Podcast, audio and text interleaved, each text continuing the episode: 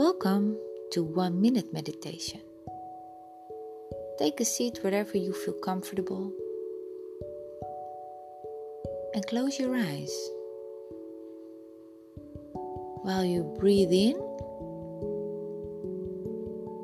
and out and in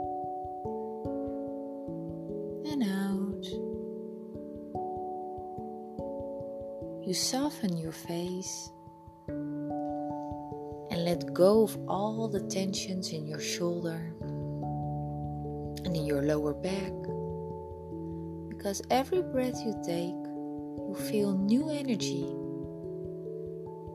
And every time you breathe out, you release old pain and negative energy.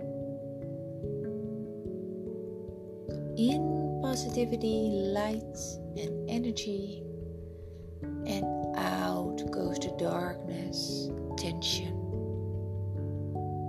and anxiety. Breathe in